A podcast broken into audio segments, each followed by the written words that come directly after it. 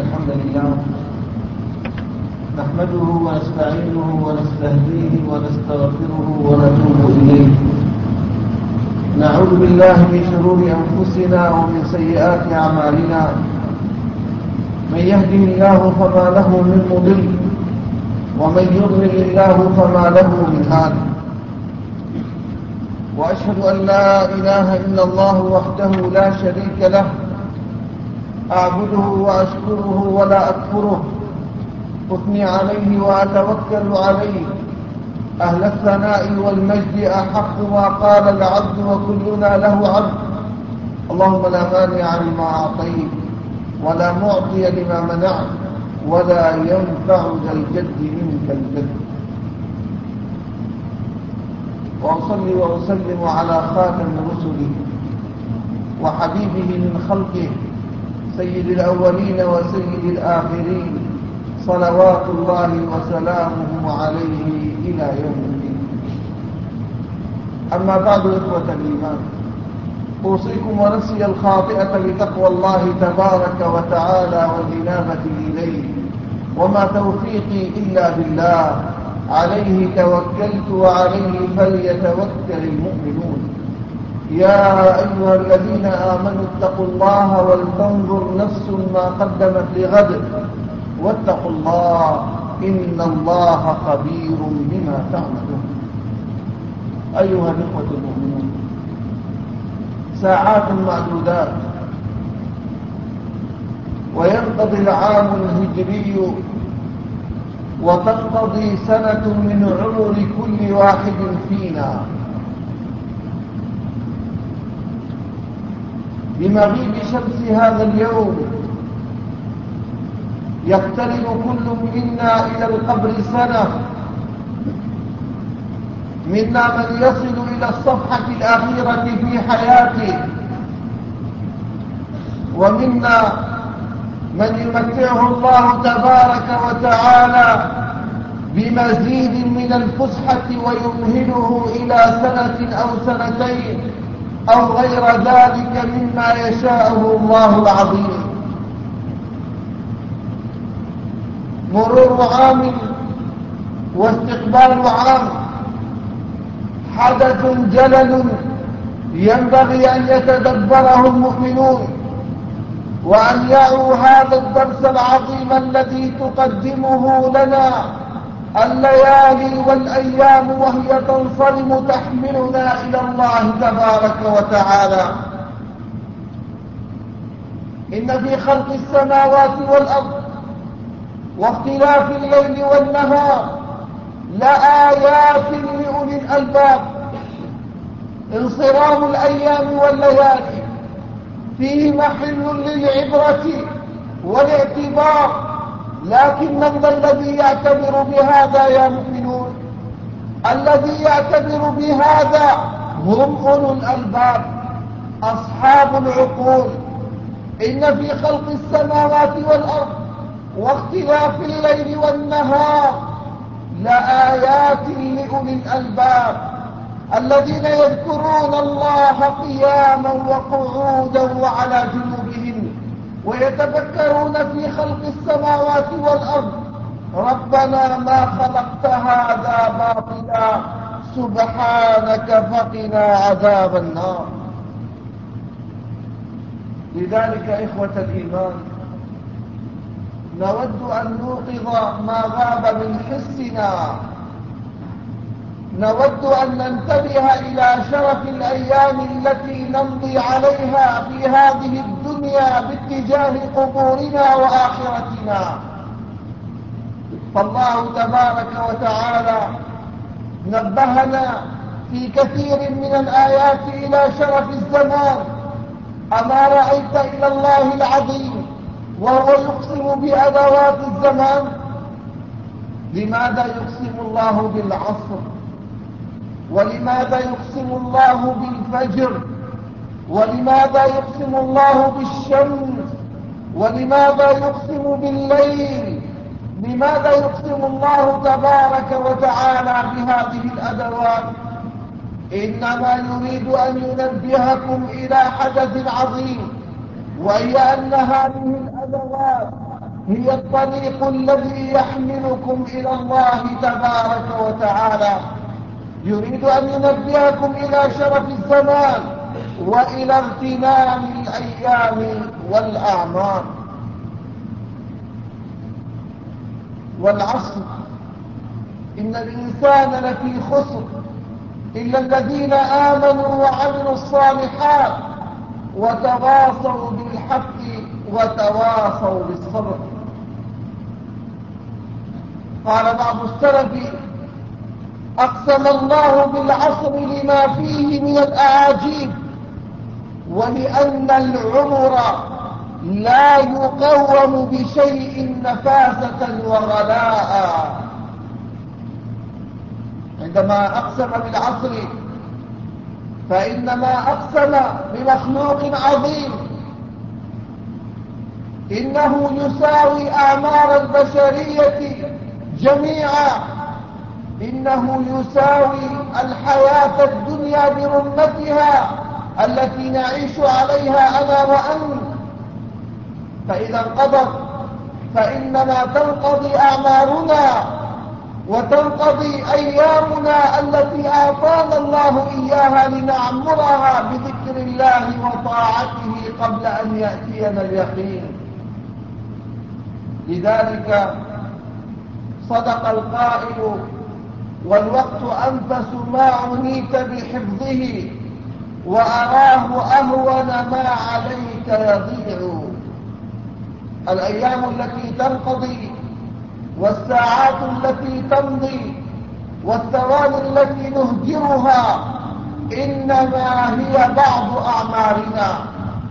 فكل ساعة تمضي إنما تقربنا إلى الموت ساعة. وكل سنة كسنتنا التي مضت إنما تبنو بنا إلى القبر سنة.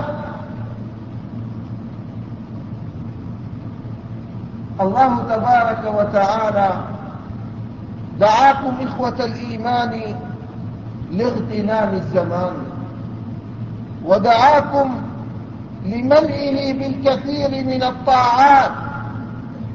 يقول تبارك وتعالى وسخر لكم الشمس والقمر دائبين يعملان بصورة مستمرة لا يكلان ولا يملان. وسخر لكم الشمس والقمر دائبين. وسخر لكم الليل والنهار. وآتاكم من كل ما سألتموه. وإن تعدوا نعمة الله لا تحصوها. ثم ماذا بعد؟ إن الإنسان لظلوم كفار بعد أن عدد عليه هذه النعم ذكر أحوال كثير من الناس. إن الإنسان لظلوم أي لنفسه كفار بنعم الله التي أعطاه الله إياها ومن أهمها ما ذكر في الآية من الزمان ومن الأعمار. يقول عمر بن عبد العزيز عليه رحمة الله الليل والنهار يعملان فيه فاعمل فيهما هما يعملان فيه هما يذهبان من عمرك ساعات فاعمل فيهما فإنك إذا عملت فيهما وجدت ما عملت عند الله تبارك وتعالى.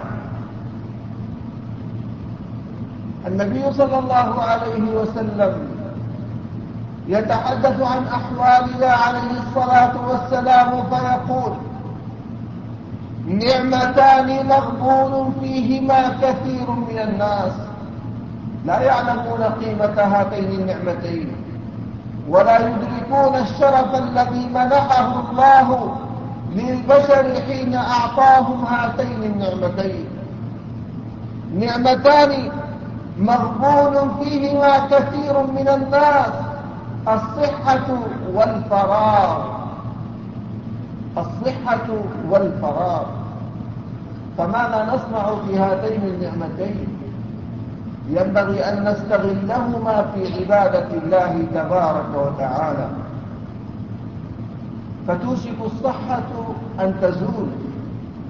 ويوشك الفراغ أن ينقضي. فتفوت ساعة العمل وساعة الفراغ وساعة الصحة. ويحصل حين ذاك ندم عظيم على ما فات وعلى من قضى. لذلك يقول عليه الصلاة والسلام فيما رواه الإمام الحاكم اغتنم خمسا قبل خمس حياتك قبل موتك اغتنم. حياتك قبل موتك وصحتك قبل سقمك قبل مرضك وفراغك قبل شغلك. اغتنم لحظة الفراغ فإنك ستشغل بعدها ولن تعود إليها. وشبابك قبل هرمك وغناك قبل فقرك. اغتنمها اغتنمها يا عبد الله. فكلما طالت بك الأيام زادت بك المشاغل وكثرت عليك الأسقام وزال عنك الفراغ الذي كنت تؤمن أن تعبد الله تعالى فيه. اتق الله فيما أعطاك الله من الأيام والساعات والليالي. لا تقضيها في معصية الله. فإن كل دقيقة تمر عليك وأنت على هذه الدنيا تسأل عنها عند الله العظيم. أما سمعت إلى النبي صلى الله عليه وسلم وهو يقول لن تزول قدم عبد يوم القيامة حتى يسأل عن أربع. لن يدخل إنسان الجنة ولن يلج عبد للنار إلا بعد أن يسأل عن أربعة أمور. لن تزول قدم عبد يوم القيامة حتى يسأل عن أربع. عن عمره فيما أفناه أين قضيت الأعمار؟ هل قضيتها على شاشات التلفاز؟ هل قضيتها في اللعب والسهرات؟ أم قضيتها في طاعة الله وطلب العلم وذكر الله؟ أين قضيت هذا العمر الذي أعطاك الله إياه؟ عن عمره فيما أبناه وعن شبابه وهو بعض العمر وهو أهمه. وعن شبابه فيما أبناه أين قضى شبابه؟ هل قضاه متسكعا في الأسواق؟ أم غاديا ورائحا في الطرقات؟ أم جالسا أمام البيوتات؟ أين قضى شبابه؟ لن يمر يوم القيامة حتى يسأل عن هذا وعن شبابه فيما أبلاه وعن ماله من أين اكتسبه وأين أنفقه من أين اكتسبه؟ هل أخذه من الحلال أم من الحرام؟ وأين أنفقه هل قضاه في الترف والسرف وما لا فائدة فيه؟ ثم يقول عليه الصلاة والسلام وعن علمه ماذا عمل به؟ هذه أمور تسأل عنها يا عبد الله فأعد للسؤال جوابا. ويقول عليه الصلاة والسلام بادروا بالأعمال سبعا. اغتنموا الأعمال قبل أن تأتيكم سبعة أمور تحول بينكم وبين العمل الصالح. بادروا استعدوا أقبلوا سارعوا سابقوا. بادروا بالأعمال سبعا. هل تنتظرون إلا فقرا منسيا؟ فقرا ينسيكم عبادة الله ويشغلكم في طلب الدنيا. هل تنتظرون إلا مثل هذا؟ إلا فقرا منسيا أو غنى مطغيا. كما أن الفقر قد يعمي عن طاعة الله ويجعل الإنسان أثير نقمة العيش يبحث عنها فإن الغنى قد يطغي. كلا إن الإنسان ليطغى أن رآه استغنى. يطغي ويلهي عن عبادة الله. هل تنتظرون إلا فقرا منسيا؟ ينسيكم عبادة الله. أو غنى مطغيا أو مرضا مفسدا. يفسد عليكم أيامكم وحياتكم. تبحثون عن ساعة تذكرون الله تبارك وتعالى. فلا تجدون إلا ساعة للزفرات والحسرات والأليم الذي يفرضه المرض عليكم. أو هرما مفندا يضعف قوتكم ويشل حركتكم ويمنعكم عن القيام بواجب ربكم. أو موتا مجهزا يجهز عليكم. ويحول دونكم ودون طاعة الله العظيم. أو الدجال. فشر غائب ينتظر. أو الساعة. والساعة أدهى وأمر. أليس هذا ما ننتظره يا عباد الله؟ أليس هذا ما يستقبلنا جميعا؟ فلماذا لا نلقم أوقاتنا؟ وأيامنا في طاعة الله تبارك وتعالى قبل أن يحال بيننا وبينها. يقولون بأن عيسى عليه الصلاة والسلام روي عنه بأنه قال إن الليل والنهار خزانتان فانظروا ما تضعون فيهما. السنين الأيام الشهور الثواني الساعات. هذه خزانات نضع فيها أعمالنا. ودخل رجل على داود الطائي عليه رحمة الله فقال أوصني. فأطرق داود إلى الأرض ثم رفع رأسه فقال يا أخي إنما الليل والنهار مراحل. ينزلها الناس مرحلة بعد مرحلة حتى ينتهي ذلك إلى آخر سفرهم هي محطات. محطات نمر عليها ونحن في طريقنا إلى الدار الآخرة. يقول الله تبارك وتعالى إنما نعد لهم عدا. عندما تكون في سفر تمر على اللوحات التي تشير لك بأنه بقي إلى المدينة المنورة 200 كيلو ثم بعد قليل 190 وهكذا. ومسيرنا في هذه الدنيا على نفس الطريقة. هذا بقي له سبعة أشهر وهذا عشرة أشهر. وهذا خمسة عشر شهرا لكننا جميعا نمضي في الطريق وجميعا سنصل إلى لحظة النهاية. حين تفتح لنا قبورنا فندخل فيها بما حملناه من عمل صالح أو طالح نبهنا الله وإياكم بركة العظيم وحشرنا في زمرة عباد المؤمنين. قال الله وبقوله يهتدي المهتدون. واتقوا يوما ترجعون فيه إلى الله ثم توفى كل نفس ما كسبت وهم لا يظلمون الحمد لله وكفى وصلاة وسلاما على عباده الذين اصطفى الذين يبلغون رسالات الله ويخشونه ولا يخشون أحدا إلا الله وبعد. وتنقضي الساعات وتنصرم الأيام ويحشر الناس إلى ربهم يوم القيامة. كل يبكي ساعة أضاعها عن عبادة الله.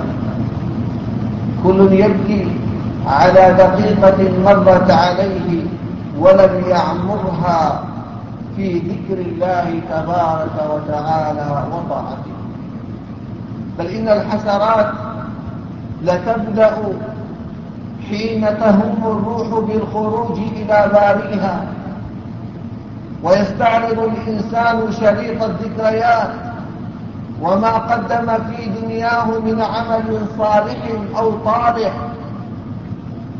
حينها يود لو أعطي من العمر عمرا جديدا ولو ساعة أو بعض ساعة ولكن هيهات هيهات فقد انقضى الأجل وفات محل العمل.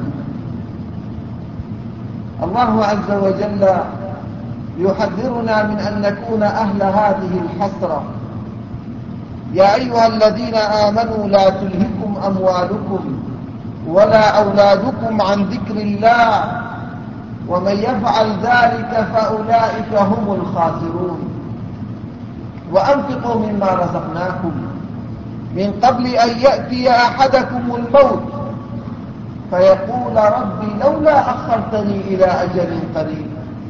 حين يأتيه الموت يقول ربي لولا أخرتني إلى أجل قريب ولو ساعة واحدة فأصدق وأكن من الصالحين. يطلب من الله أن يؤخره ساعة. لماذا؟ في هذه الساعة سيستدرك ما فاته في سنوات طوال. فأصدق وأكن من الصالحين لكن هيهات هيهات ولن يؤخر الله نفسا إذا جاء أجلها. قال رب ارجعون لعلي أعمل صالحا فيما تركت. رب ارجعون ارجعني إلى الدنيا. فإني أستدرك ما فاتني في عمري وأكون من الصالحين. رب ارجعون لعلي أعمل صالحا فيما تركت. كلا كلا إنها كلمة هو قائلها ومن ورائهم برزخ إلى يوم يبعثون. يومئذ يتذكر الإنسان وأنى له الذكرى ما فائدة الذكرى في هذه الحالة؟ يومئذ يتذكر الإنسان وأنى له الذكرى يقول يا ليتني قدمت لحياتي ليتني عملت الصالحات ليتني كنت من المسابقين إلى الصلوات إلى الجمع والجماعات ليتني كنت من الذاكرين الله. ليتني كنت ممن يكثرون من الصيام والطاعات. ليتني كنت حسن الخلق مع أهلي ومع جيراني ومع أصحابي وخلاني. ليتني لم آكل مال فلان ولم أظلم علان. يقول يا ليتني قدمت لحياتي فيومئذ لا يعذب عذابه أحد. ولا يوثق وثاقه أحد. عذاب وحسرات وأنين وهيهات هيهات أن يعطى الإنسان فرصة جديدة. والذين كفروا لهم نار جهنم. لا يقضى عليهم فيموتوا ولا يخفف عنهم من عذابها. كذلك نجزي كل كفور وهم يصطرخون فيها. ربنا أخرجنا نعمل صالحا غير الذي كنا نعمل. وهم يصطرخون فيها. ربنا أخرجنا نعمل صالحا غير الذي كنا نعمل. أولم نعمركم أما أعطيناكم عمرا على وجه هذه الأرض؟ أولم نعمركم ما يتذكر فيه من تذكر وجاءكم النذير. كل هذا ولن تعتبروا. فذوقوا فما للظالمين من نصير. أخ الإيمان اعتبر مما سلف وكان. تذكر أنك قد تكون أحد الذين يقولون هذه المقالة التي سمعتها. تذكر أنك قد تكون ممن يتحسرون في يوم القيامة على ساعة لم يقضوها في عبادة الله. اعتبر يا عبد الله ولا تكن معتبرا يعتبر بك الآخرون. لذلك عبد الله نصيحتي لنفسي أولا ولأخي ثانيا أقبل على طاعة الله. واشغل أعمارك بذكر الله وبفرائض الله وبنوافل يحبها الله. وإياك وإياي أن يرانا الله تبارك وتعالى على حال معصيته فإنه يكبنا تبارك وتعالى في النار ولا يبالي. أسأل الله تبارك وتعالى أن يعتق رقابنا ورقابكم من النار. صلوا وسلموا عباد الله على الهادي البشير والسراج المنير. من أمركم ربي بالصلاة والسلام عليه فقال إن الله وملائكته يصلون على النبي. يا أيها الذين آمنوا صلوا عليه وسلموا تسليما. اللهم صل على محمد وعلى آل محمد كما صليت على إبراهيم وعلى آل إبراهيم وبارك على محمد وعلى آل محمد كما باركت على إبراهيم وعلى آل إبراهيم إنك حميد مجيد. اللهم أنت نور السماوات والأرض ومن فيهن فلك الحمد. وأنت رب السماوات والأرض ومن فيهن فلك الحمد. وأنت قيوم السماوات والأرض ومن فيهن فلك الحمد. اللهم إنا نسألك بنور وجهك الذي أضاءت له الظلمات وصلح عليه أمر الدنيا والآخرة. ألا تفرق جمعنا هذا إلا بذنب مغفور. وذنب مستور. وعيب تصلحه يا عزيز يا غفور. اللهم يا الله يا رحمن يا رحيم يا أحد يا صمد يا حي يا قيوم يا منان نسألك باسمك الأعظم الذي إذا دعيت به أجبت وإذا استنصرت به نصرت نسألك يا رب أن تحرم لحومنا ولحوم أحبابنا على النار اللهم حرم لحومنا ولحوم أحبابنا وأزواجنا وأرباب الحقوق علينا على النار اللهم اغفر لجميع موتى المؤمنين الذين شهدوا لك بالوحدانية ولنبيك بالرسالة وماتوا وهم على ذلك. اللهم اغفر لهم وارحمهم وعافهم واعف عنهم. اللهم وسع مدخلهم وأكرم نزلهم. واغسلهم بالماء والثلج والبرد. ونقهم من الذنوب والخطايا كما ينقى الثوب الأبيض من الدنس. أبدلهم يا رب دارا خيرا من دارهم وأهلا خيرا من أهلهم وزوجا خيرا من زوجهم. إنك ولي ذلك والقادر عليه. عباد الله اذكروا الله العظيم الجليل يذكركم. واشكروه على آلائه ونعمه يزدكم. ولذكر الله أكبر والله يعلم ما تصنعون.